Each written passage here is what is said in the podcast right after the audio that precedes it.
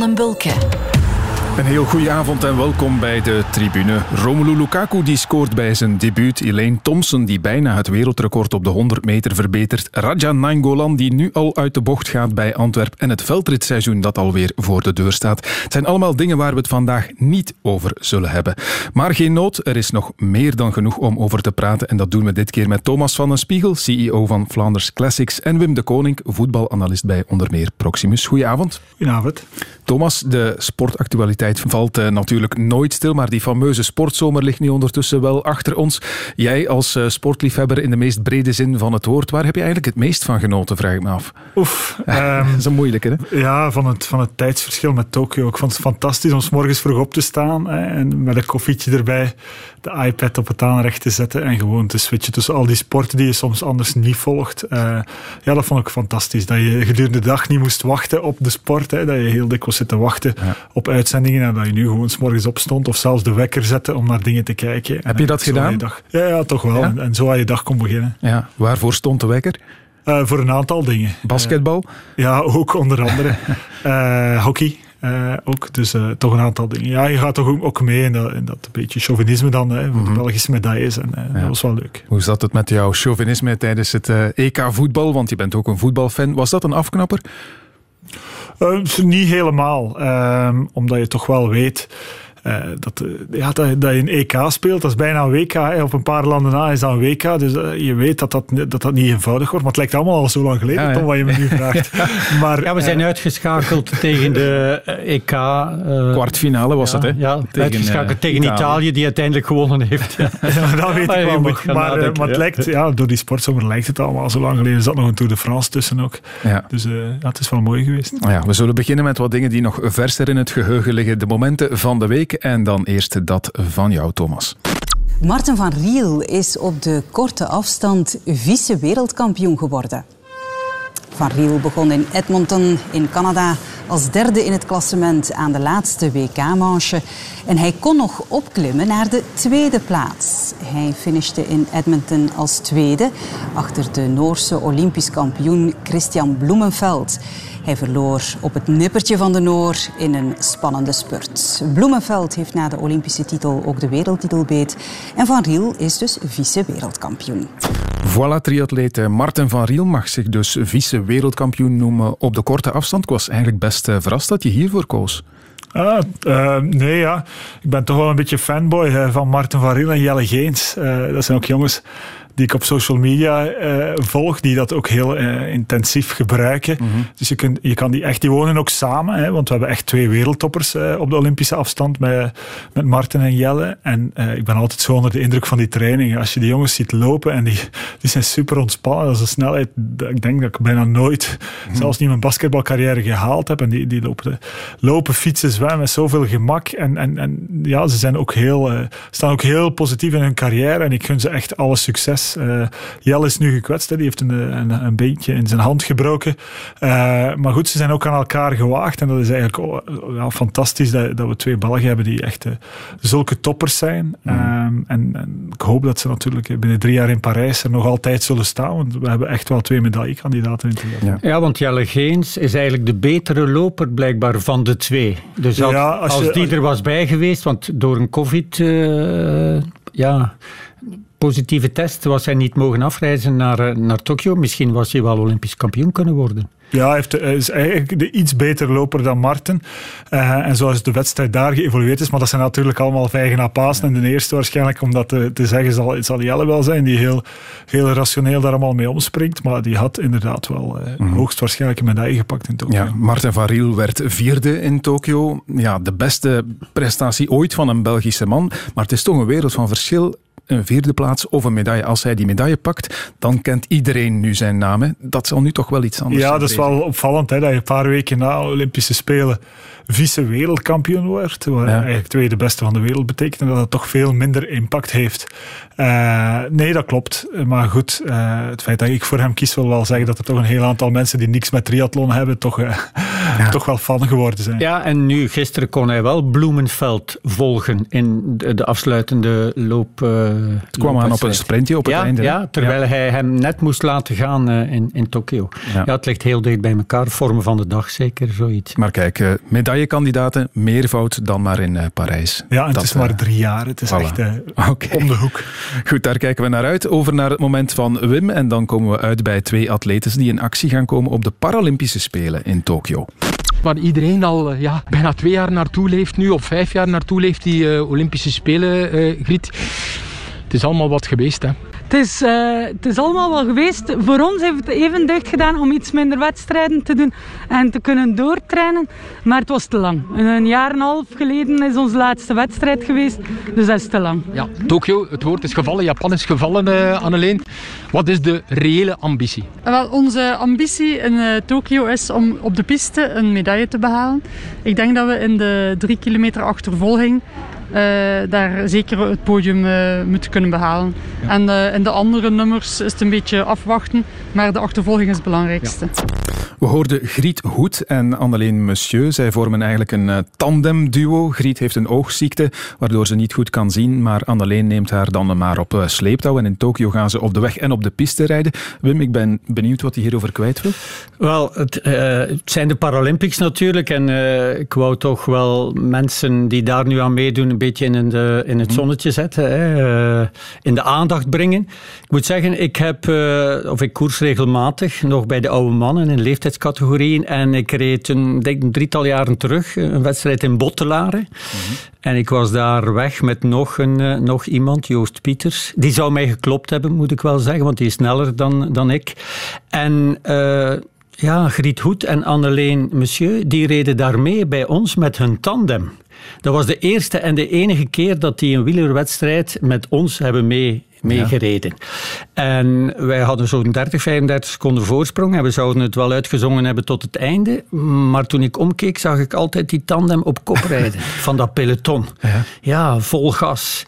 En die reden op drie, vier ronden, reden die, helemaal op het einde van de wedstrijd, dat gat dicht naar ons. Waardoor het uiteindelijk nog een sprint werd en ik ja, 27ste werd, bij manier van spreken. Uh, zij hebben mij de koers doen verliezen. Uh, ja, ik ging niet gewonnen hebben. Ik moet eerlijk zijn, Joost is sneller dan ik, maar uh, ik was heel erg boos op hen. Mhm. nadien.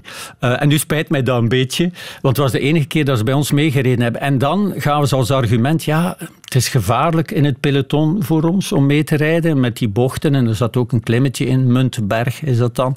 Uh, en daardoor verkozen wij toch wel om vooraan te rijden en ja, het gaat toe te rijden.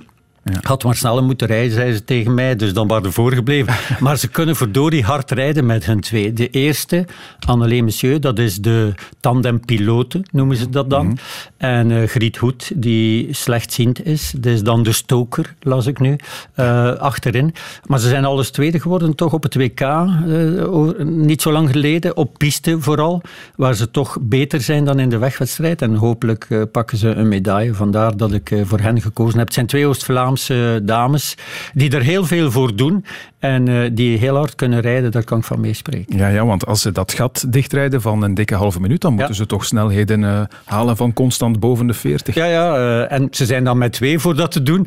maar ja, ik moet wel zeggen, ze waren echt wel gedreven. Nadien heb ik er bij de prijsuitdeling dan wel eens tegen gesproken. En ze excuseerden zich uh, uitgebreid. En ze hadden eigenlijk niet door dat ze de wedstrijd een beetje vervalsten. Mhm. En uh, ja, misschien was het wel goed geweest voor hen dat ze nog wel meer van die wedstrijden hadden kunnen doen. Maar ik denk dat bij die ene koers is gebleven, een beetje door mijn schuld. Ja.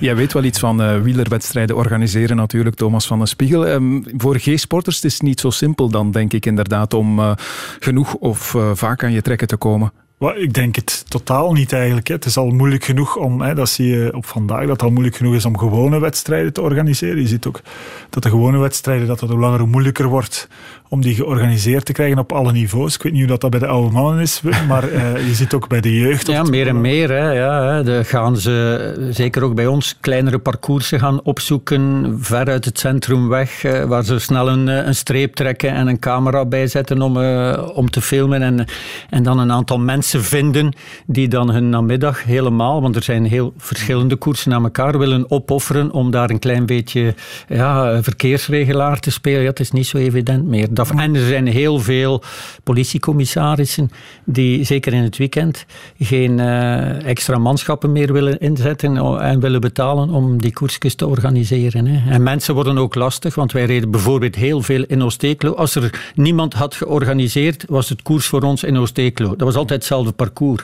Ja. Maar ja, die, die plaatselijke bevolking kwam daar zo tegenop mm -hmm. dat op een gegeven moment uh, landbouwers tegen stroom begonnen te rijden met een grote tractor. Hè? Want ja, die wilden in het weekend ook wel werken natuurlijk. Ja, ja daar hadden wij dan geen uh, begrip voor.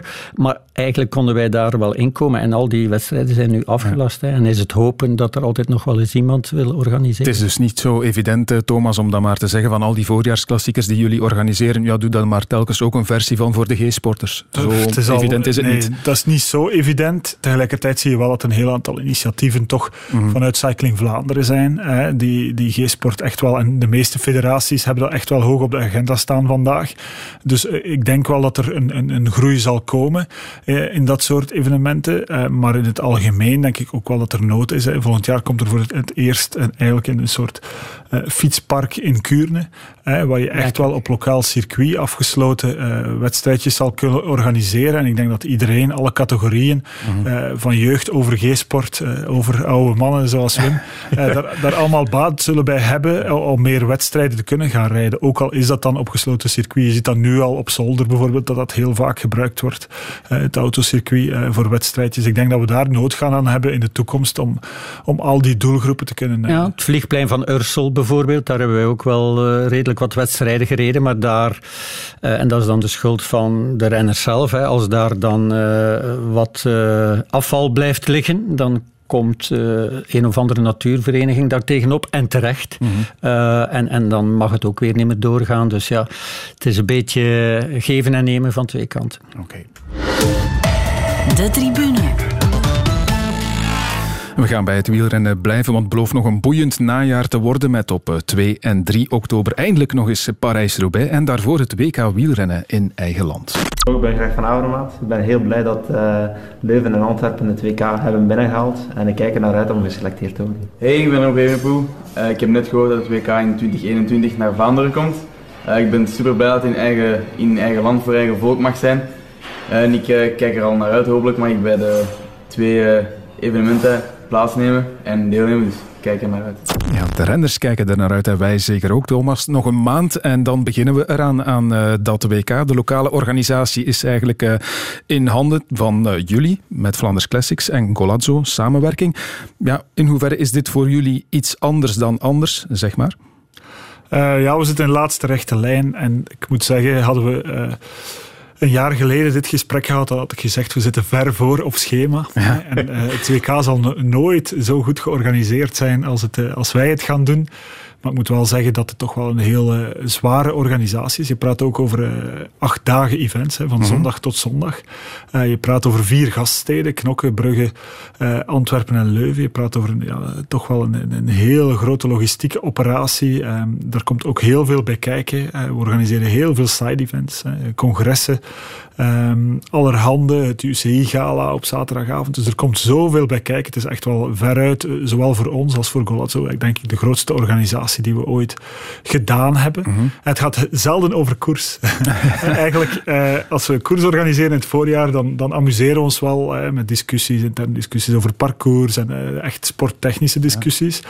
En nu is bijna iedereen jaloers op de mannen die zich daarmee mogen bezighouden, want we zijn met heel veel zaken bezig. Terecht ook, want het moet ook wel de bedoeling zijn hè, dat we dat WK hier organiseren, maar dat er ook iets van blijft hangen. We hebben een heel uh, intensief voortraject met een roadshow. We gaan nu echt ook beginnen communiceren, want met de Olympische Spelen was dat heel moeilijk. We gaan ook heel actief beginnen communiceren nu. En het moet ook wel de bedoeling zijn dat dat WK, de maandag na het WK, dat dat hier niet gewoon vertrekt en dat er niks meer van overblijft. Dat er mhm. ook nog jaren op verder geteerd wordt, dat er jaren ook nog over gepraat wordt. Ja. Het grootste wat jullie ooit al gedaan hebben, zeg je, in een normaal jaar zou dat misschien dan de Ronde van Vlaanderen zijn. Vergelijk dat is. Is dit dan de Ronde van Vlaanderen nog maal twee of maal drie? Kun je dat ja, zo het is heel moeilijk. Je kan eigenlijk de zondag, de mannen eh, wegrit op zondag kan je vergelijken met de Ronde van Vlaanderen. Ja. Maar natuurlijk, daar zitten nog zeven dagen voor uh, aan events, aan tijdritten. Um, en er is natuurlijk een, uh, dit wordt grotendeels gefinancierd door overheidsgeld, mm -hmm. steden en de Vlaamse overheid. Dus ja, daar is toch wel een verwachtingspatroon van die kant uit. En een heel zwaar lastenboek waar wij moeten aan voldoen. Wij vallen ook onder de wet op de overheidsopdrachten daardoor. Dat zijn wij niet gewoon. Hè. We zijn mhm. privéorganisaties, we zijn commerciële organisaties. Nu is dat toch wel allemaal iets bureaucratischer dat dat verloopt. wat normaal is, maar ja, dat, dat, dat, dat weegt wel op, uh, op onze organisaties. En uh, we kijken er gewoon heel erg naar uit. En we zijn blij dat het nu dichter komt. We zijn eigenlijk al sinds 2018, sinds het WK in Innsbruck, mm. daaraan aan het werken. dat is bijna drie jaar. En uh, we zijn toch wel blij dat dat er een beetje licht komt aan het einde van die, ja, toch wel tunnel. Maar dat klinkt misschien wel negatief. Maar toch, we zijn blij dat er gaat gekoerst worden. Dat kunnen we misschien ook zeggen als het over coronamaatregelen gaat. Maar jullie gaan daar wellicht ook nog wel moeten rekening mee houden. Tot op een bepaalde hoogte? Ja, dat gaan we doen. We gaan natuurlijk rekening houden met de geldende maatregelen op dat moment voor events. Uh, ik ben nu gisteren wel naar Club Brugge gaan kijken en we zaten met 24.000 in Jan ja. Breidel. Dus uh, uh, we zijn daar ook wel optimistisch over. zowel over het hospitality deel, hè, wat we graag VIP noemen in Vlaanderen, als over de gewone fan. dat die gewoon langs de kant van de weg de wedstrijden allemaal zal kunnen volgen. Dus we zijn wel optimistisch, maar we gaan natuurlijk de geldende maatregelen op dat moment nog steeds in voegen laten treden en ook daar heel proactief over communiceren. Ja, Wim, jij koerst dus ook. ken je de streek daar een beetje waar het, uh, of het parcours een beetje waar het WK zal gereden worden? Ik heb daar nog niet zoveel gereden, maar ik heb wel natuurlijk de Brabantse pijl en zo altijd al wel gevolgd. En uh, ja, ik heb ook nu gekeken naar de Grote Prijs Scheres, waar dan de rondes op het einde gereden werden, die nu de finale rondes zullen zijn. Maar ik heb wel uh, ook gezien dat er 42 hellingen zijn in het parcours. Mm -hmm. Dat er 2500 hoogtemeters zijn. En dat het dus een, echt wel een soort afvallingsrace zal worden. En dat het een, een hele mooie wereldkampioen zal zijn. Het zal geen outsider worden die, die wereldkampioen wordt. Het zal een, het zal een topper zijn. Ja. Dus uh, genre, ja, à la Philippe van Aert. Evenepoel, maar daar werd dan van gezegd, ja, die gaat nog moeten uitslagen rijden. Zij is fan uh, van Tournout om erbij te zijn. Iedereen uh, hoopt, tien, die tien Belgen of negen Belgen, die hopen erbij te zijn. Ja, die, die zijn nog allemaal niet zeker van hun selectie. Mm -hmm. En ik las ook dat Sven van Tournout zei, we gaan voor één kopman, maar dat was nog voor de demonstratie van Evenepoel in Denemarken en, en na zijn wat half mislukte Olympische Spelen. Maar zoals hij daar reed, Evenepoel, ja, denk ik, moeten we misschien wel naar twee kopmannen gaan, gaan overschakelen. Alleen, denk ik, Thomas, zal het ja zal hij alleen moeten toekomen en dat is niet zo evident. er is donderdag druivenkoers. Ik ging het ja, zeggen, we gaan donderdag dus, misschien ook alweer iets meer weten, want Evenepoel komt, naar de, ja, ja, Evenepoel komt naar de druivenkoers eh, komende donderdag op het eh, WK-parcours, mogen we toch ook zeggen. Het wordt een soort van generale repetitie. Ja, we hebben eigenlijk een stadsparcours in Leuven, de grote prijs Scheres eigenlijk, en dan uh, de generale repetitie van de Flandrienlus, zoals wij die noemen. Een grotere lus richting Overijse Tervuren, um, die twee keer gereden wordt, waar de Moskestraat die ondertussen toch wel al wat mythische proporties aanneemt. Hè, en de, de Smijsberg en de Bekenstraat inzitten. Uh, eh, die zitten in de druivenkoers van nu donderdag, waar ook Alaphilippe zijn benen komt testen, waar Asgreen ook komt. Dus, uh. Ja, Alaphilippe is vandaag al gaan verkennen, hè, zag ik. Uh, dus ja, met het oog op het WK, niet alleen met het oog op de druivenkoers. Dus hij is er wel mee bezig. Ja, de Koning Quickstep komt inderdaad met een fameuze ploeg naar Overijse afgezakt. Hè. Ja, ik denk dat dat uh, met, echt alles met dat WK te maken heeft natuurlijk. Hè. Ook, ja, je ziet nog uh, ongewone namen hoor. Hirschi komt ook. Uh, ja, Gilbert en Welles rijden voor Lotto. dus ja, de, de, het is echt wel een heel goed deelnemersveld. Heel veel mannen die eens willen komen kijken wat het mm. gaat zijn. Als je zegt, we willen graag dat er iets blijft hangen, ook na dat WK, gaat dat dan inderdaad bijvoorbeeld over die hellingen die je daar opsomt? Want we kennen die van de Ronde van Vlaanderen natuurlijk allemaal uit ons hoofd. Maar die van het Leuvense, zeg maar, ja, die, die klinken nog minder in de oren. Hè? Dat gaat misschien wel meer zijn na, na het WK. Dan, dan gaat iedereen die, die hellingen kennen. Wel, we hebben eigenlijk al twee jaar geleden beslist om eh, de Brabantse pijl wat uh, te gaan hervormen en die op dat WK-parcours af te stemmen. En die Moskestraat die is nu al een paar keer scherprechter geweest in de Brabantse pijl. Dat zijn hele mooie kasseien. Uh, Brabantse pijl ook heel mooie edities achter de rug. Dus we gaan ervan uit dat dat wel zal blijven hangen. Maar het gaat ook verder dan dat. Het gaat ook over, en eh, hier ga ik weer, maar het gaat ook over duurzaamheid, innovatie. Er zijn een heleboel initiatieven eh, met betrekking tot koers die ook na dit WK nog zullen gebruikt worden. Niet alleen in onze wedstrijden, maar waar we van uitgaan dat die ook nog zullen gebruikt worden. Kun je daar een voorbeeld van geven? Ja, we gaan bijvoorbeeld een hele analyse maken van hoe duurzaam dit WK gaat geweest zijn. We hebben een heel aantal werkdomeinen eh, daaromtrent. Dat zijn er heel veel. Um, en, en daar gaat een analyse op gemaakt worden, een rapport opgemaakt worden dat we dan zullen kunnen hergebruiken voor onze wedstrijden in het voorjaar om ervoor te gaan zorgen dat die ook uh, milieuvriendelijker worden. Mm -hmm. Moskestraat is herlegd, las ik, of heraangelegd met kasseien. Er waren wat Vlaamse coureurs die het liever hadden zoals het vroeger was. Een beetje zoals de oude Quaremont, hè, die, die niet herlegd is. Maar het blijft toch wel een, een, een, moeilijke helling waarschijnlijk. Ja, op het moment dat die herlegd was, hè, want uh, daar zijn wel wat discussies over geweest. Ja. Het procedé dat daar gebruikt is, is echt het procedé dat ook voor de her heraanleg van de Koppenberg bijvoorbeeld gebruikt is een aantal ah, jaar geleden.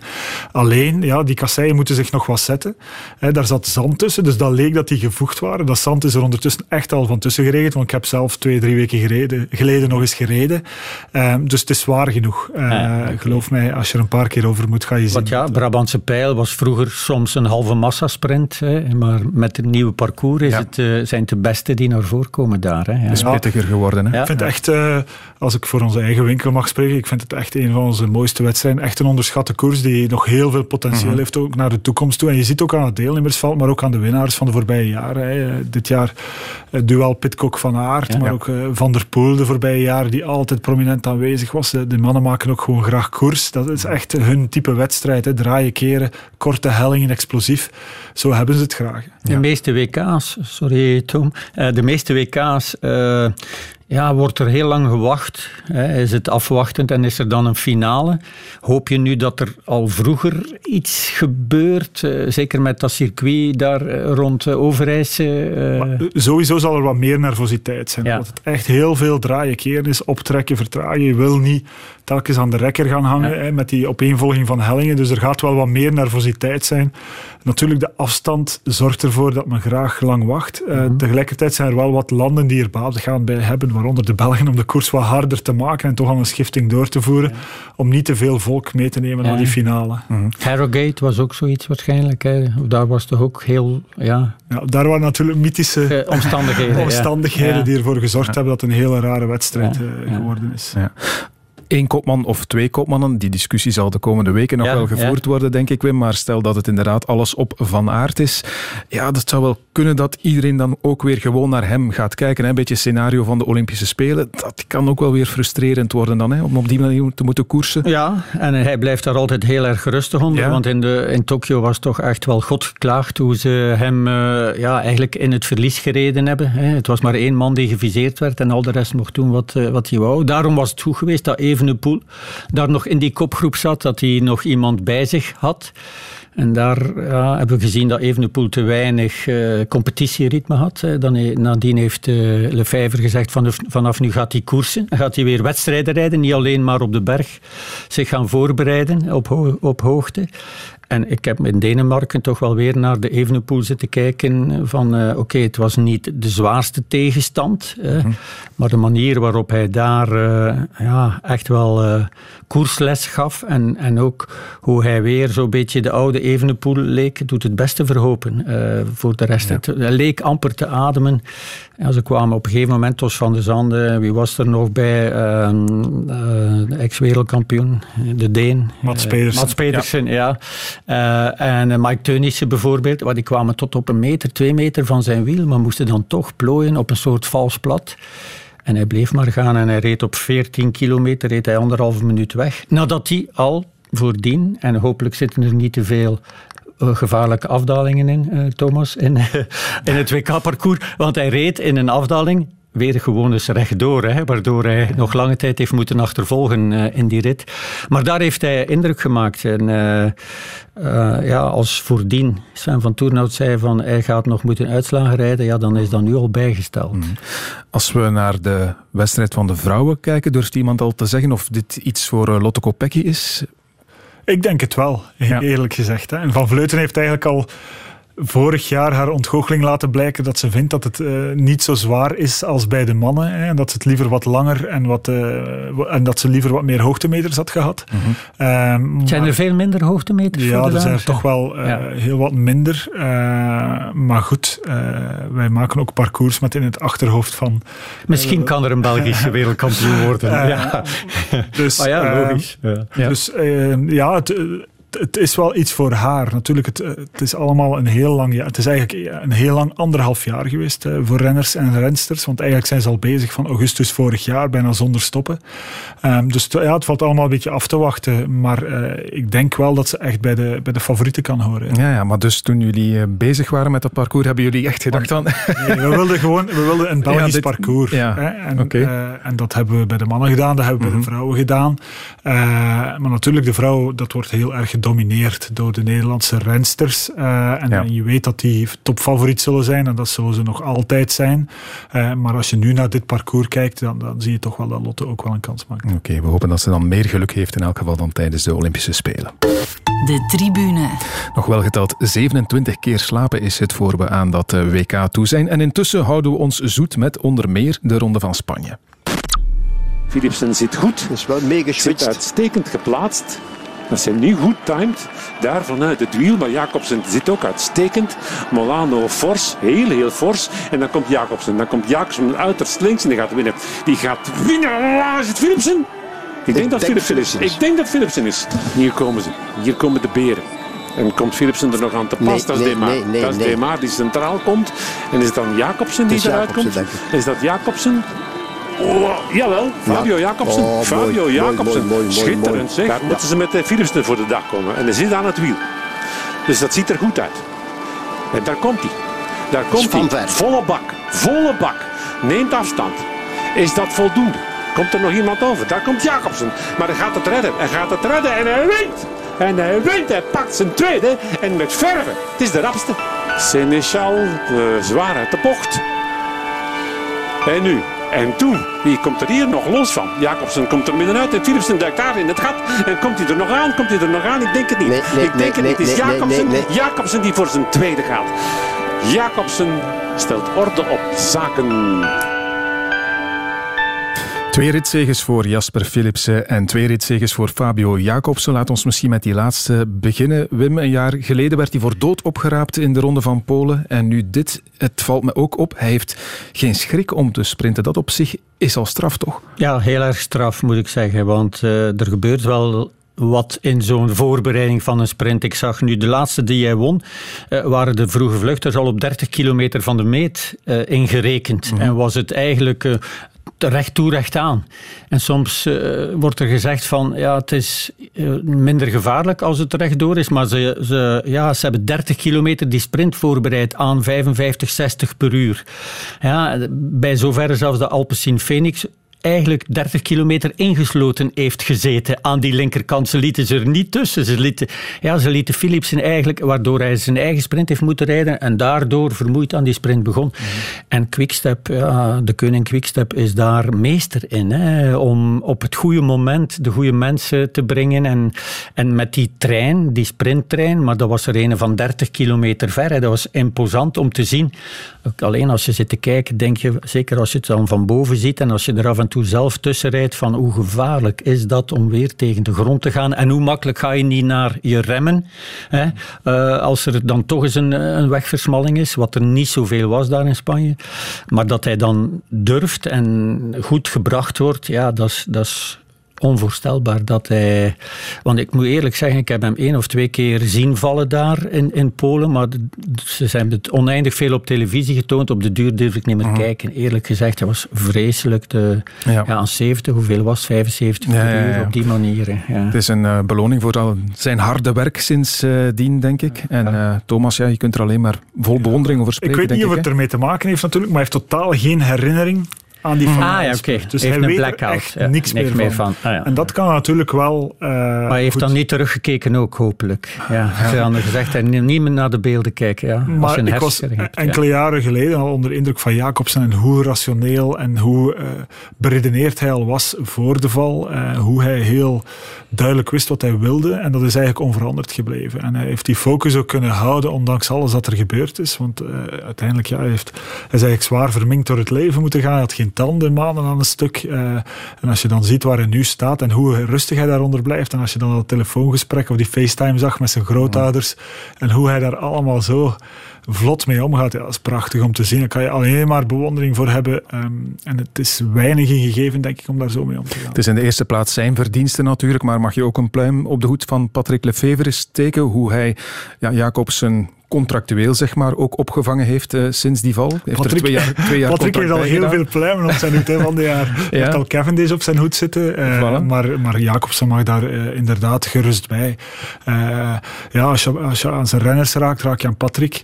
En dan gaat hij er alles aan doen om die er weer bovenop te helpen, zowel mentaal als fysiek. en, en ja, het was ook mooi, want hij was in, ik denk dat hij in de Vuelta was. ja, als hij van, was daar. Bij ja. de tweede rit. Ik vond het ook heel mooi hoe Seneschal ja. Jacobsen afzetten en echt aan het roepen en tieren was van go, go, go. En die, die eigenlijk al voor Jacobsen wist van dit, dit is binnen. Want Seneschal is ook degene die eigenlijk zijn leven gered heeft vorig jaar in Polen. Ja, absoluut. Dus dat is echt wel, ja, dat is echt elke keer kippenvel. Ja. Um, de Koning Quickstep, Wim, heeft uh, voor volgend jaar eigenlijk alleen maar Jacobsen onder contract liggen als het over de sprinters gaat. Want Cavendish is nog een vraagteken. Ja. Bennett vertrekt, Hodge vertrekt. Ja, één sprinter, dat is te weinig. Er is nu sprake van Elia Viviani, die misschien zou terugkeren naar de oude stal onder Lefevre. Ja, zie je dat ook gebeuren? Dat die Viviani dan ook weer nog beter gaat worden dan de voorbije jaren? Want oké, okay, laat ons een kat een kat noemen. Het was niet meer de Viviani van in zijn beste jaren. Nee, maar iedereen, iedereen die weggaat bij Quickstep is niet meer de beste van... Uh, ja, noem ze allemaal maar op. Alle sprinters die daar vertrekken, ja, die hebben een minder goede lead-out. Die Gaviria, Viviani, uh, mm. er zijn nog wel voorbeelden te noemen. Uh, Cavendish ook, toen hij vertrok. Uiteindelijk, als hij terug terugkwam, heeft niemand gedacht dat hij nog uh, ritten ging winnen in de Ronde van Frankrijk, maar hij wint ze met zijn ogen dicht. Dus hij moet maar, hij zegt, ja, ik moet maar die 100 laatste meters sprinten. Zo makkelijk ja. is dat hier voor mij. En Lefebvre heeft altijd gezegd, ik weet heel goed wanneer ik afscheid moet nemen van een renner. En dat klopt inderdaad ook. Als ze vertrekken bij Quickstep winnen ze nog amper wedstrijden. Niet alleen de sprinters, hè. Ook, ook de...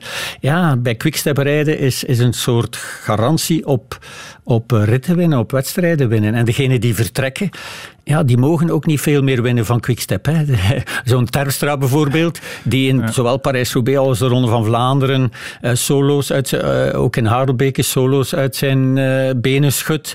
Dat is ook dankzij die ploeg natuurlijk, die dan perfect afstopt omdat ze in de finale daar nog met vier man zitten. Mm-hmm. Als, als Terpstra dat nadien probeert, ja, dan, dan gaan ze die niet laten rijden natuurlijk. En het zou goed kunnen dat Viviani weer een topsprinter wordt als hij straks ja. naar, naar Quickstep komt. Morkov zal er ook nog twee jaar uh, rijden. En dat is een heel belangrijke man, ja. weten we ondertussen in ja. de lead-out. Dus uh, wie weet, Viviani inderdaad. Wat ik hoorde, Michel Wuits kwam, ik moest toch wel even slikken. Hè. Ze hebben al negen jaar na elkaar meer dan 50 uh, wedstrijden gewonnen per seizoen. Het was een 57ste nu met ja. Jacobsen. Uh, ze hebben al negen seizoenen na elkaar gedaan. Alleen het coronaseizoen lukte dat niet. Maar ja, er waren zoveel wedstrijden niet. Uh, en er zijn maar twee ploegen die dat ook voor elkaar gekregen hebben. Dat is uh, één keer Sky, ik weet niet meer welk jaar. En ook Jumbo-Visma in 2019. Mm-hmm. Dus ja, oké, okay, veel pluimen op de hoed van Patrick Lefevre. Maar we vinden het zodanig gewoon dat ze zoveel wedstrijden winnen. En iedereen die daar bij Quickstep komt, ja, die profiteert ervan. En iedereen, ja, Bakkala ja. zal er ook wel mee te maken hebben. Maar heeft echt wel een neus en een oog voor, voor heel veel voor, voor talent. En voor mensen, ja, voor elkaar te laten werken. Dat is ook uh, het mooie eraan. Een andere ploeg die het ook uitstekend doet is uh, Alpecin Phoenix. Scoren in alle grote rondes um, en zijn niet eens een World Tour ploeg. Jasper Philipsen, hè, laten we het over hem ook nog even hebben, Thomas. Uh, hoe beoordeel je hem? 23 Graag. jaar nog maar. Hè? Uh, ik zat, uh, of ik stond op 2, 3 meter van Jasper toen hij instortte na de Tour de France op de Champs-Élysées. Ja. waar, waar Philippe Roodhoofd hem echt minutenlang heeft getroost. Um, en, en ik dacht van, dit komt goed, want als een, als een topsporter zo omgaat met verlies, dan weet je dat een winnaar is. Ja. Uh, en dan ben je ook wel blij als je nu ziet in dat hij dat allemaal van zich afschudt nu in de Vuelta. Ja. Ehm, en dat hij toch wel wint, nog altijd maar 23 is. Ook meer aan kan dan enkel massasprints. Hè, want hij is ook wel een renner die op kasseien uit de voeten kan. Die, die toch wel meer zal aankunnen in de toekomst. En als je ook kijkt, ja, eigenlijk is Alpecin Phoenix bijna een, een, een junior versie. Hm. Hè, een, een, een, een, iets kleinere versie van, van de Koning Quickstep geworden. Hè, met, met toch wel uh, heel slim management. Hè, heel... Slimme signings. Renners erbij nemen waar niemand nog in gelooft. Eh, maar die toch als een team laten rijden. Ik geloof ook heel erg in dat crossover model met het mountainbike. Natuurlijk, Mathieu heeft ervoor gezorgd dat ze dat kunnen. Met mountainbike, veldrijden erbij. Een heel aantal teams onder die paraplu. Um, heel veel dameswielrennen nu ook toegevoegd. Niet alleen in het veld, maar ook op de weg. Um, dus uh, ja, goed gedaan. Uh, echt, absoluut. En uh, ja, er zitten natuurlijk ook een aantal renners. Het is niet meer alleen Mathieu. Twee jaar geleden was bijna alleen Mathieu. En als je nu kijkt, hè, komen ze ook van veel kanten. Er eh, zijn heel veel goede renners. In het voorjaar ook Riesebeek gezien bijvoorbeeld. Een renner die niemand kende, die een heel goed voorjaar reed. Uh, dus er zijn er een heleboel ook bij Alpecin ja. Phoenix die echt wel krediet verdienen. Nog één vraag over de Vuelta. Wie doet Primoz Roglic nog iets? Niemand? Want als hij recht blijft, lijkt het ja, alle schijn ervan te hebben dat hij zijn derde Vuelta op rij gaat winnen. Ik denk dat Mas nooit beter gereden heeft ja. dan nu. Maar goed. Uh, heeft die tijdrit natuurlijk niet. Uh, Roglic heeft nog de, die tijdrit. En, uh, en ja, Roglic rijdt fantastisch. Ik heb heel veel bewondering ook. Ik ben hier met bloemetjes naar iedereen aan het smijten. Maar ook Roglic. Als je ziet hoe die in de Tour eigenlijk uit de Tour valt. En dan Olympisch kampioen tijdrijden wordt. zo dominant. En dan nu in die Vuelta echt alles controleert zonder mm. problemen. Ook gisteren ja. laat Caruso zes minuten wegrijden. en, en, en komt dan nog op een minuut terug. Dus heeft alles zo goed onder controle. met heel veel gemak. Dus uh, ik denk niet dat iemand hem nog iets doet. Nee, en van uh, Bernal gaat het blijkbaar niet meer komen, hè Wim? Nee, uh, het was imposant hoe Roglic toen Adam Yates en, en Maas wegreden, daar op die laatste beklimming hoe uh, Roglic eerst wachtte en toen met een soort sprint dat gat van 100 meter uh, dichtreed. Ik dacht even, hij gaat er op en over vliegen. Maar hij weet maar al te goed dat hij inderdaad in een derde week in een uh, grote rittenwedstrijd altijd wel uh, een klein beetje minder is. Dus dat hij toch nog wel wat moet sparen.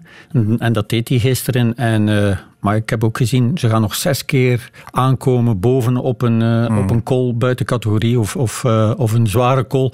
Dus er, er moet nog heel veel gebeuren daar. Maar zoals Thomas zegt, in Mas reed nooit beter. Maar hij kon toch net niet wegrijden van Roglic gisteren.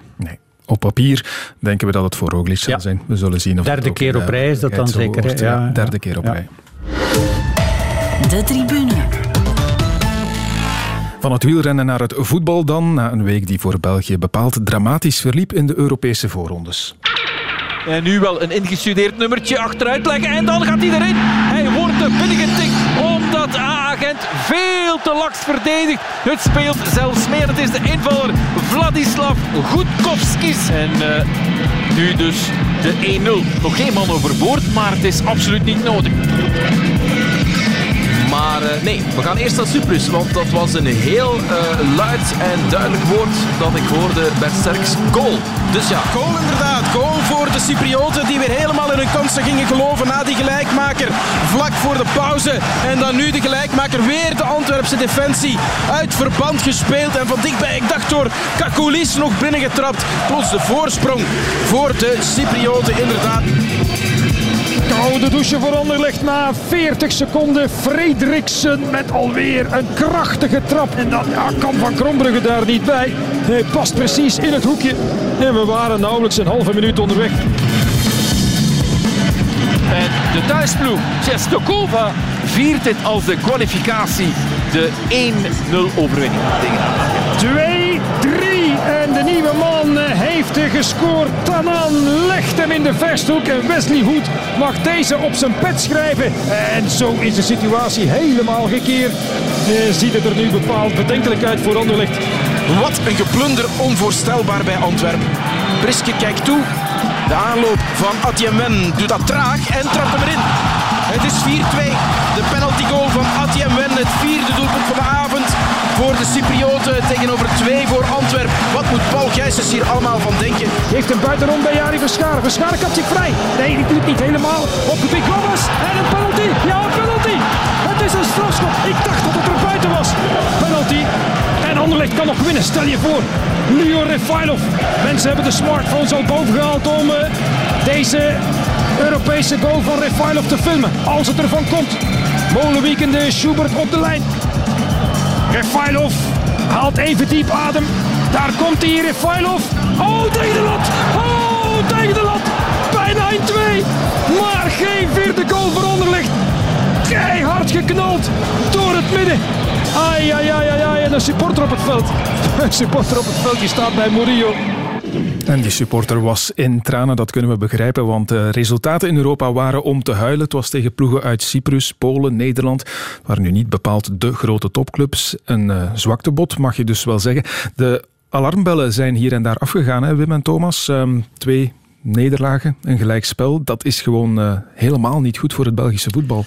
Nee, helemaal niet. Hè. Ze kunnen zich nog wel kwalificeren, zeker als je naar de kwaliteit van de tegenstander kijkt en wat ze zelf gebracht hebben. Alleen werd er heel slecht verdedigd, zowel door Gent als door Anderlecht als door Antwerp.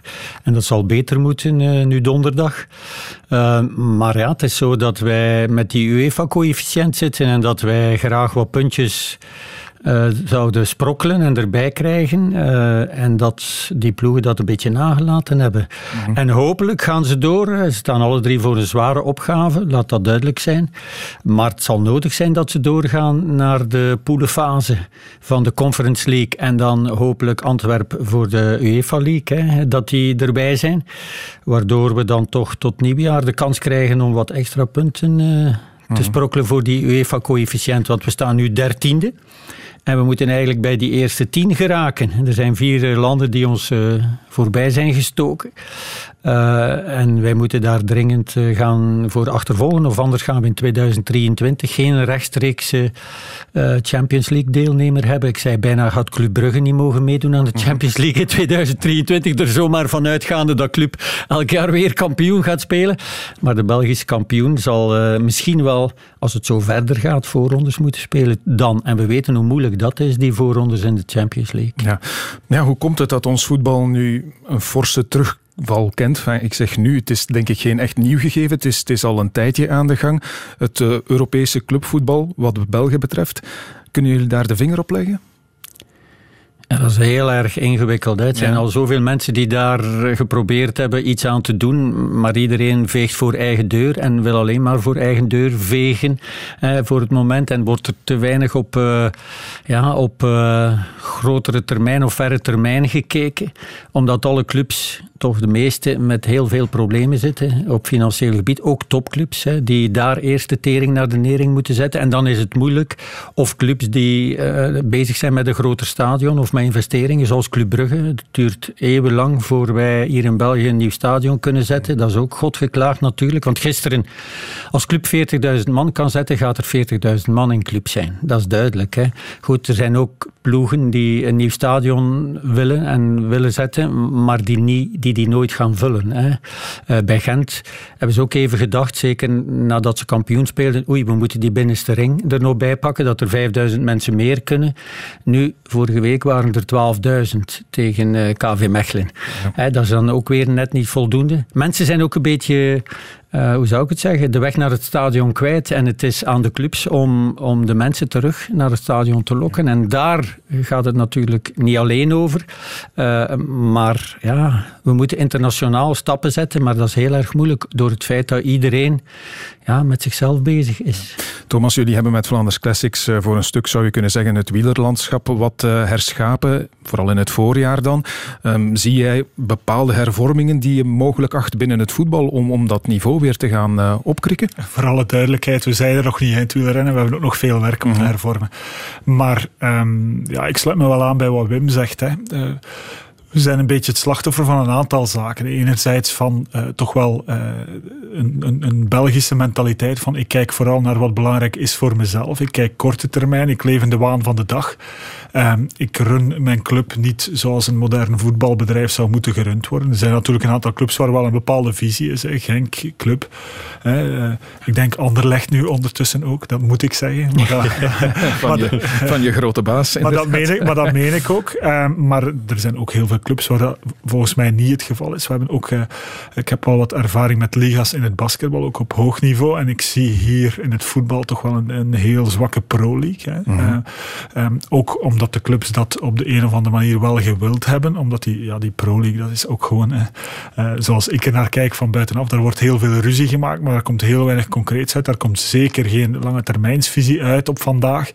dat gaat altijd over de korte termijn. Ehm, dus ehm, ik mis dat hier. En dan zie je andere landen die daarom niet beter zijn, maar waar er beter gewerkt wordt, waar de clubs toch wel, uh, als het moet, aan hetzelfde zeel durven, trekken. En waar dan ook meer middelen gegenereerd worden uh, die, die dat voetbal terechtkomen. En dat is hier uh, op vandaag niet het geval. En dan denk ik dat er nog een tweede is. Hè. We zijn natuurlijk ook wel een, een, land waar het gros van de clubs niet meer in Belgische handen is. En waar heel veel buitenlandse eigenaars niet echt bezig zijn. Zeker niet met de lange termijn. Hè, maar vooral die Belgische clubs aan het exploiteren zijn. Aan het kijken zijn van hoe kunnen wij daar financieel beter van worden.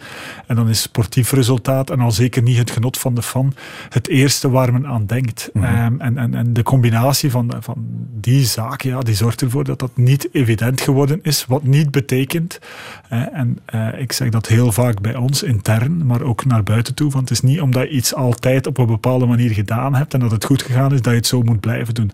Dat betekent ook, zelfs voor die kleinere clubs, zelfs voor die clubs van de subtop, van uh, durf uh, je club te gaan runnen met visie op de lange termijn. en dat gaat alleen maar lonen. Maar daar is toch wel wat moed voor nodig. Er zijn uh, na het debakkelen van afgelopen week een aantal analyses verschenen over de toestand van ons voetbal. Uh, het interessante is wel dat ze elkaar voor een uh, groot stuk tegenspreken ook. Ik citeer even de chef voetbal uit het laatste nieuws. Die zegt, breng de clubs met het grootste budget, de beste spelers en de beste accommodaties samen. Lees, met andere woorden, leg de macht nog meer bij de topclubs.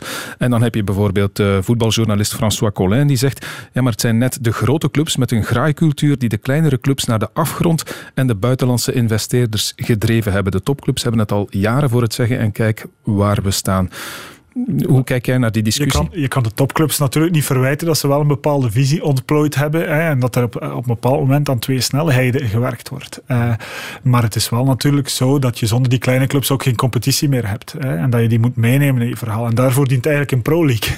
Ja. om ervoor te gaan zorgen dat die grote clubs er eigenlijk eh, die kleine clubs, eh, dat die hun wagonnetje daar kunnen aanpikken. Maar ja, we zeggen al jaren dat we moeten verminderen qua aantal ploegen. En het enige wat we bereikt hebben nu de laatste jaren is dat er meer clubs in eerste klasse zijn. Hè. Terwijl wij al heel lang weten dat dat nefast is mhm. voor de kwaliteit. Oké, tien jaar geleden hebben we de play-offs ingevoerd omdat er meer topwedstrijden zouden zijn met het oog om dan Europees uh, ja, meer concurrentieel te kunnen zijn. Dat lukt ook niet, buiten een aantal uitzonderingen. Gent is, heeft dus overwinterd uh, in de Champions League, maar voor een Belgische ploeg lijkt dat bijna een utopie geworden. Hè.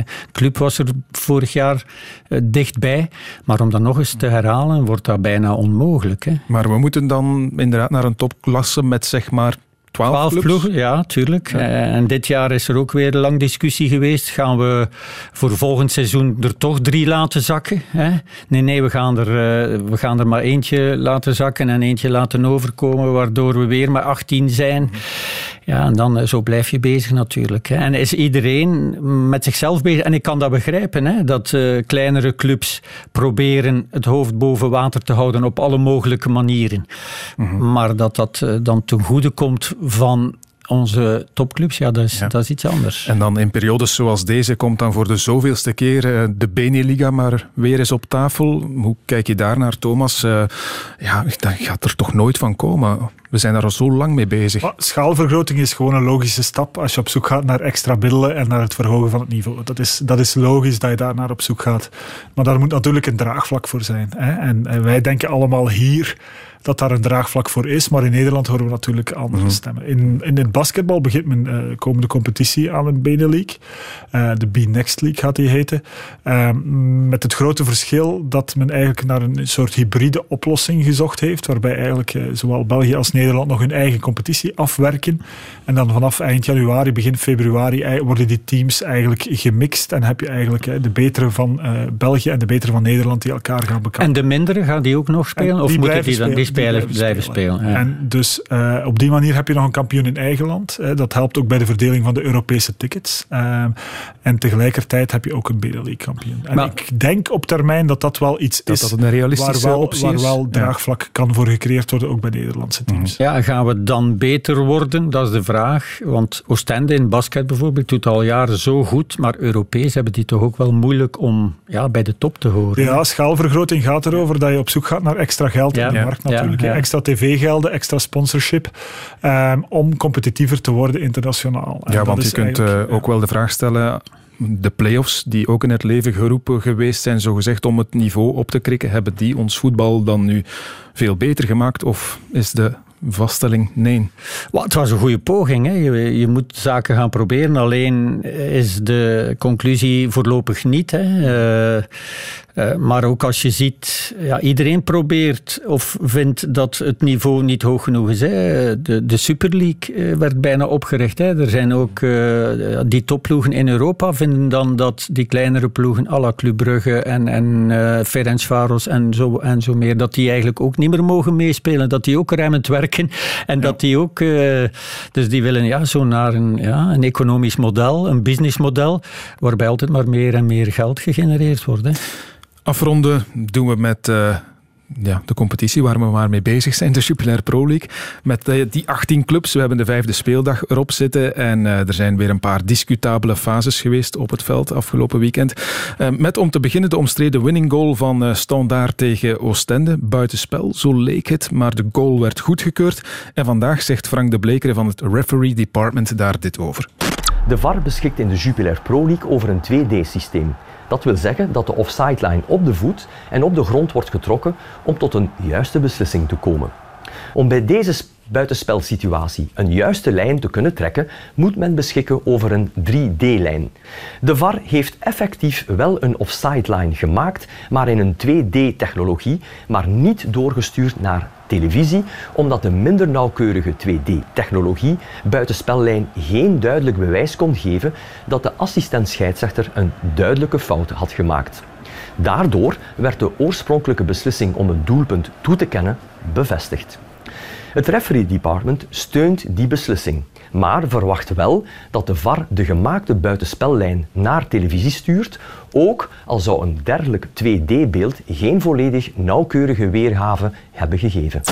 Voilà Wim, dus uh, het gebrek aan technologie of aan de juiste technologie ja. doet uh, ons voetbal hier de das om, terwijl het toch over een wedstrijd bepalende fase gaat. Ja, en dan willen wij schaalvergroting en willen we aansluiten bij andere landen die wel met die 3D-technologie werken, met twee lijnen waar het heel erg snel gaat, waar ze ja, een soort muur kunnen trekken en een lijn op de verdediger en een lijn op de aanvaller en dan is het heel erg duidelijk, ook als het een halve, halve centimeter is.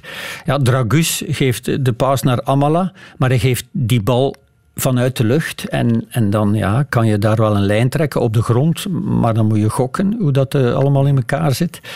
Uh, ja, investeren in die 3D-technologie, zou dat zoveel geld kosten daar in, uh, in Tubize? Belgische Voetbalbond, die hebben toch nog wel iets... ja. Vreemd was wel dat ja. de Bleker zegt dat ze dan de beslissing van toch, de refs ja. steunen, maar eigenlijk die onduidelijke 2D-lijn, zal ik dan maar zeggen, toch op tv gewild hadden. Wat bereik je daar dan mee? Want volgens mij nog meer discussie. Meer, tot ja. nog meer discussie, ergernis, frustraties. Vrees het wel. Ja. Vrees het wel. Maar goed, uh, oké, okay, dan wordt er heel snel gezegd, ja, de topploegen die worden weer bevoordeeld in, in, in dit geval. Ik denk als er geen VAR is, want het ging heel, heel erg snel, dat die goal altijd goedgekeurd wordt. Uh, en nu heeft die arme lijnrechter, ja, die, kan dat onmogelijk zien. Die kan dat ja, die heeft gewacht. Ja, die denkt dan van, ja, de VAR zal het wel bekijken, dus uh, ik zwaai niet. Ja, maar innovatie en technologie zijn toch iets, uh, of het nu in koers is of in voetbal, dat je moet omarmen en dat je moet gaan kijken van hoe kunnen we maximaliseren, optimaliseren. En, dat, uh, en zo moeilijk is dat allemaal niet. En dat is niet iets dat je moet zeggen van we gaan nu 2D doen en dan vanaf volgend jaar of het jaar daarna misschien 3D. Ja, doe dat gewoon onmiddellijk. Ja, de volgende fase komt uh, uit een wedstrijd die je met je eigen ogen gezien hebt. Club Brugge-Beerschot, uh, Thomas. Het was uh, de fase waarbij Club Brugge-speler Rika geel kreeg, terwijl het rood had kunnen of moeten zijn en de VAR niet ingreep. Nog eens de blekere. In de 28e minuut speelt Club Brugge-speler Rika de bal te ver voor zich uit en probeert de bal daarna te recupereren. Bij deze actie raakt hij een speler van Beerschot met een hoog contact en de stuts vooruit. De scheidsrechter geeft een gele kaart voor deze fout. Het referee department verwacht voor Club Brugge-speler Rika een directe rode kaart voor ernstig gemeen spel en zou in deze situatie een VAR-interventie steunen om de veiligheid van de speler te beschermen. Wij zijn geen scheidsrechters. Um, ik ga ook niet beweren het beter te weten dan die mannen uh, op het veld, in een busje of waar dan ook. Maar ja, het leek me toch duidelijk dat dit een rode kaart was. En dan begrijp ik niet dat de VAR niet ingrijpt. Valt dat te verklaren? Nee, wat mij betreft niet. Een duidelijker uh, rode kaart uh, ingreep kun je niet hebben. Hè. Uh, uh, ja, is die man in, in Tubeke geïmponeerd geweest door de 24.000 clubaanhangers die daar dan zaten en heeft hij niet durven ingrijpen, want hij heeft gecommuniceerd hè, met, uh, met uh, de ref mhm. gisteren en heeft dan gezegd van oké, ja, het is voldoende, de gele kaart, maar het was natuurlijk een rode kaartovertreding. En wat ik daar speciaal aan vond, was dat na de wedstrijd, toen het aan Philippe Clement voorgelegd werd, dat hij zei van ja, ik heb de beelden nog niet gezien. Terwijl Jorendom aan de rust en dat was een minuut nadat er afgefloten werd, zei van ja, ik heb nu de beelden gezien, dat was toch wel een rode kaart. Iedereen zit uh, met de laptop uh, op, uh, op de bank te kijken en dan zegt Philippe Clement, ja, ik heb de beelden niet gezien. Ja, is dan zo moeilijk om te zeggen, ja, eigenlijk was het rood. Of denkt hij dan van, ja. ja, misschien gaan we daardoor de volgende keer geflikt worden of gaan we sneller een rode kaart krijgen, weet ik niet. Maar voor zijn geloofwaardigheid zou je gerust kunnen zeggen hebben, ja, dat was gewoon een rode kaart. Okay. Was de eerste keer weer in een vol stadion? Thomas? Ja, het, het, was heel raar, hè? Uh, ja. zoveel. Ik, uh, ik, was al naar een aantal wedstrijden geweest en een aantal evenementen, maar nu terug met zoveel, ja. Het is wel terug eens plezant. Laat ons hopen dat we het zo kunnen houden. Absoluut. Waar kijken jullie nog naar uit deze week? Ik ga een gokje doen. Jij naar de druivenkoers? Onder andere, maar ik ga eigenlijk naar 2K mountainbike in Val di Sole vanaf donderdag. Ah ja, zonder Mathieu van der Poel helaas. Helaas. Ja, oké, die gaan we nog een tijdje missen. Um, en voor jou dan, het Europees voetbal? Ja, zeker. Ja. Ik hoop dat ze zich alle drie kwalificeren. En eigenlijk zijn ze het uh, aan hun stand verplicht. En ook aan de tegenstander. Want normaal gezien moeten ze beter zijn dan die drie tegenstanders. Absoluut. Agent, Antwerp en uh, Anderlecht ja. komende donderdag in actie live te volgen hier op Radio 1. De tribune zit erop voor vanavond. Ik ga jullie bedanken voor jullie komst. Thomas van den Spiegel en Wim de Koning. Goedenavond nog.